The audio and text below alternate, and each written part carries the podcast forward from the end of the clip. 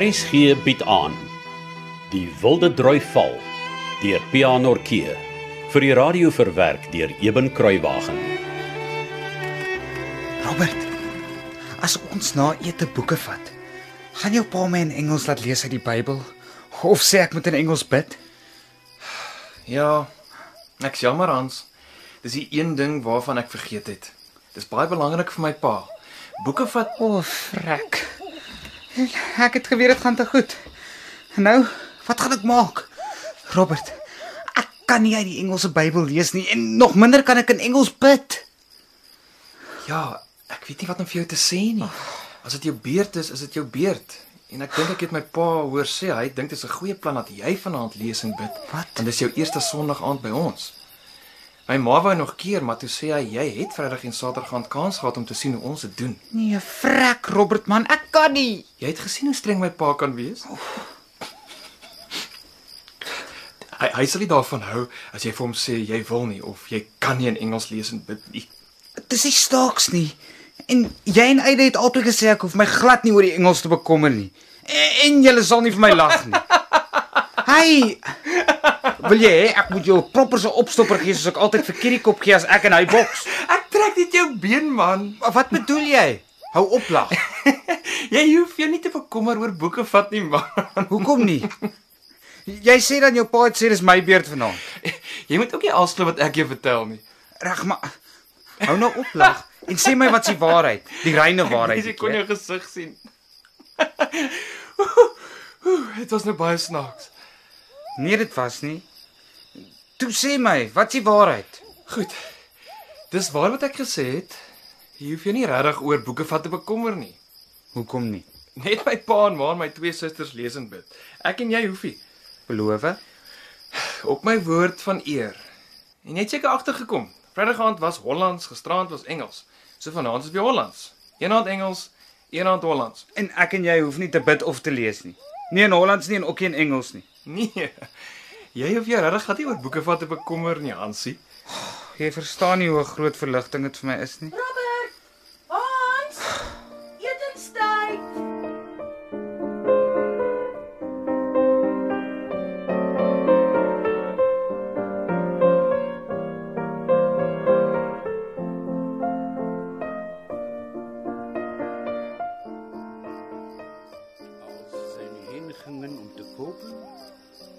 En die gereed waren, gingen met hem in tot de bruiloft. En de deur werd gesloten. Daarna kwamen ook de andere maagden, zeggende: Heere, Heere, doe ons open. En hij antwoordende zeide: Voorwaar zeg ik u, ik ken u niet. Zo, waak dan, want gij weet den dag niet, noch de ure, in welke de Zoon des Menschen komen zal. ons, um, ons lees tot sover uit die woord van God. Goed. Wie bid vanaand vir ons? Kan ek maar pa? Tuurlik, Eide, my kind. Kom ons sluit die oë. Onse Vader die in die hemel zyt, U naam word geheilig. U koninkryk kom, U wil geskiede. Wy dank U die Here vir deze dag en het goede uitkoms daarvan. En vir Hans die U na ons bracht en vir U zegen op hem weil hy hier by ons vertoeft. Wy dank U die Vader vir U beskerming en uw genade. Lieve,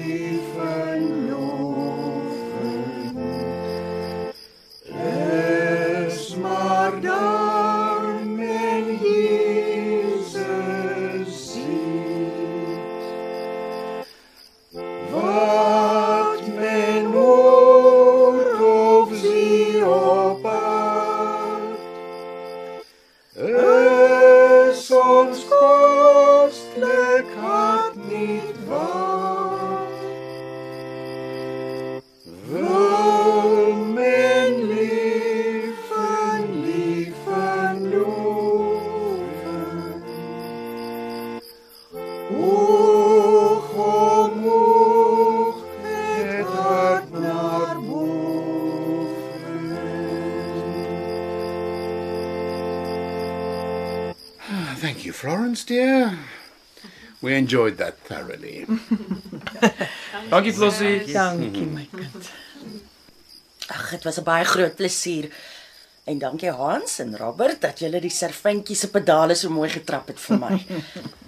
Ag, julle het so pragtig saam gesing. Ek gee nie van die sing praat nie, sis. Maar hoekom nie? Ek sou maar liewer opgee. As ons vir die hoë note moet sing, weet ek nie aldag of ek 'n bas of 'n sopran is nie. Ag, nee, basta jy ou boetie.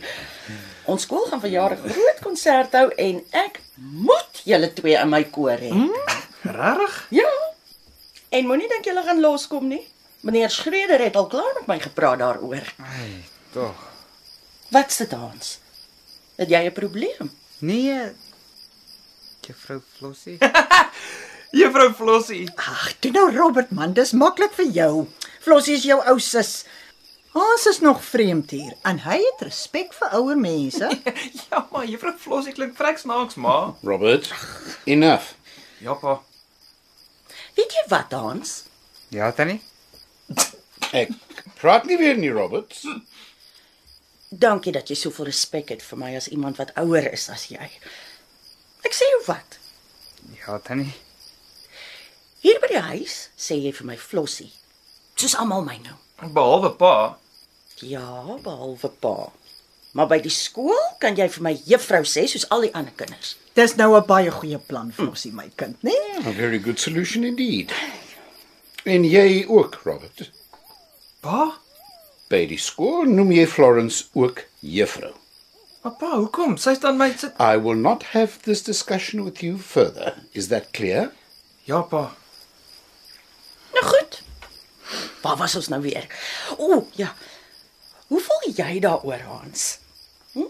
Flossie hier by die huis en juffrou by die skool. Sal dit goed wees so? Ja, dankie. Flossie.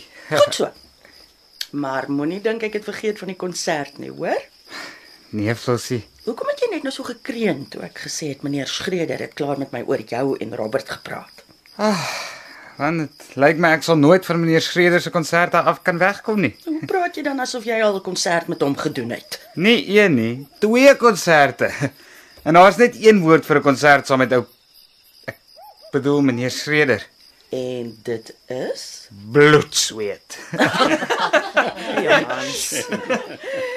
Maar as ek moet eerlik wees, die aand as die gordyn oopgaan, hoef niemand skaam te voel oor wat hulle gaan doen nie. Ja, ek het al gehoor die man se konserte is altyd so goed. Ja, nee, tannie Martha, alles loop altyd seepglad. Van die kabouter toneeltjies met die sipaatjies tot die kore en die twee kere wat ek al in sy konserte was, was daar altyd 'n hoofitem na die pouse waarna almal uitgesien het. O, en wat was dit? 'n Operette. Oh, that would be the first one for our school, Florence. eh? Dit klink interessant, hè? Nou, maar ek en Kosie, uh, meneer Schreder besluit nog daaroor. Mens wonder waar iemand soos meneer Schreder al die idees vandaan kry, né? O, oh, ek is nou maar albei hoe voorbaat opgewonde. Ek ook. So. Hans, Ja, Flossie? nou dat ek weet jy's 'n man met ervaring, gaan ek jou eers nodig hê om deel te wees van die konsert. né? Liewer jy as ek ou maar. Toe mamma nie dink jy gaan so lig daarvan afkom nie, ou broertjie. Daar's nie so baie groter seuns dat ek kan bekostig dat net een van julle nie betrokke is nie. There's our cue. It's ten o'clock. Come along, men. Early to bed, early to rise makes man healthy, wealthy, and wise. en moenie vergeet, Wat pa? dis môreoggend julle twee se beurt met Angelier en Ousus. Ooh, en wie se beurt is dit altemat om my fiets se wiele te pomp vir die eerste dag van die nuwe skooljaar? Lankal gepomp uit suster. Ooh, maar jy's fliks, né? Nee? Natuurlik. Maar môre ry jy alleen, juffrou Campbell, want ek en Hans gaan 'n bietjie vroegerig wegtrek.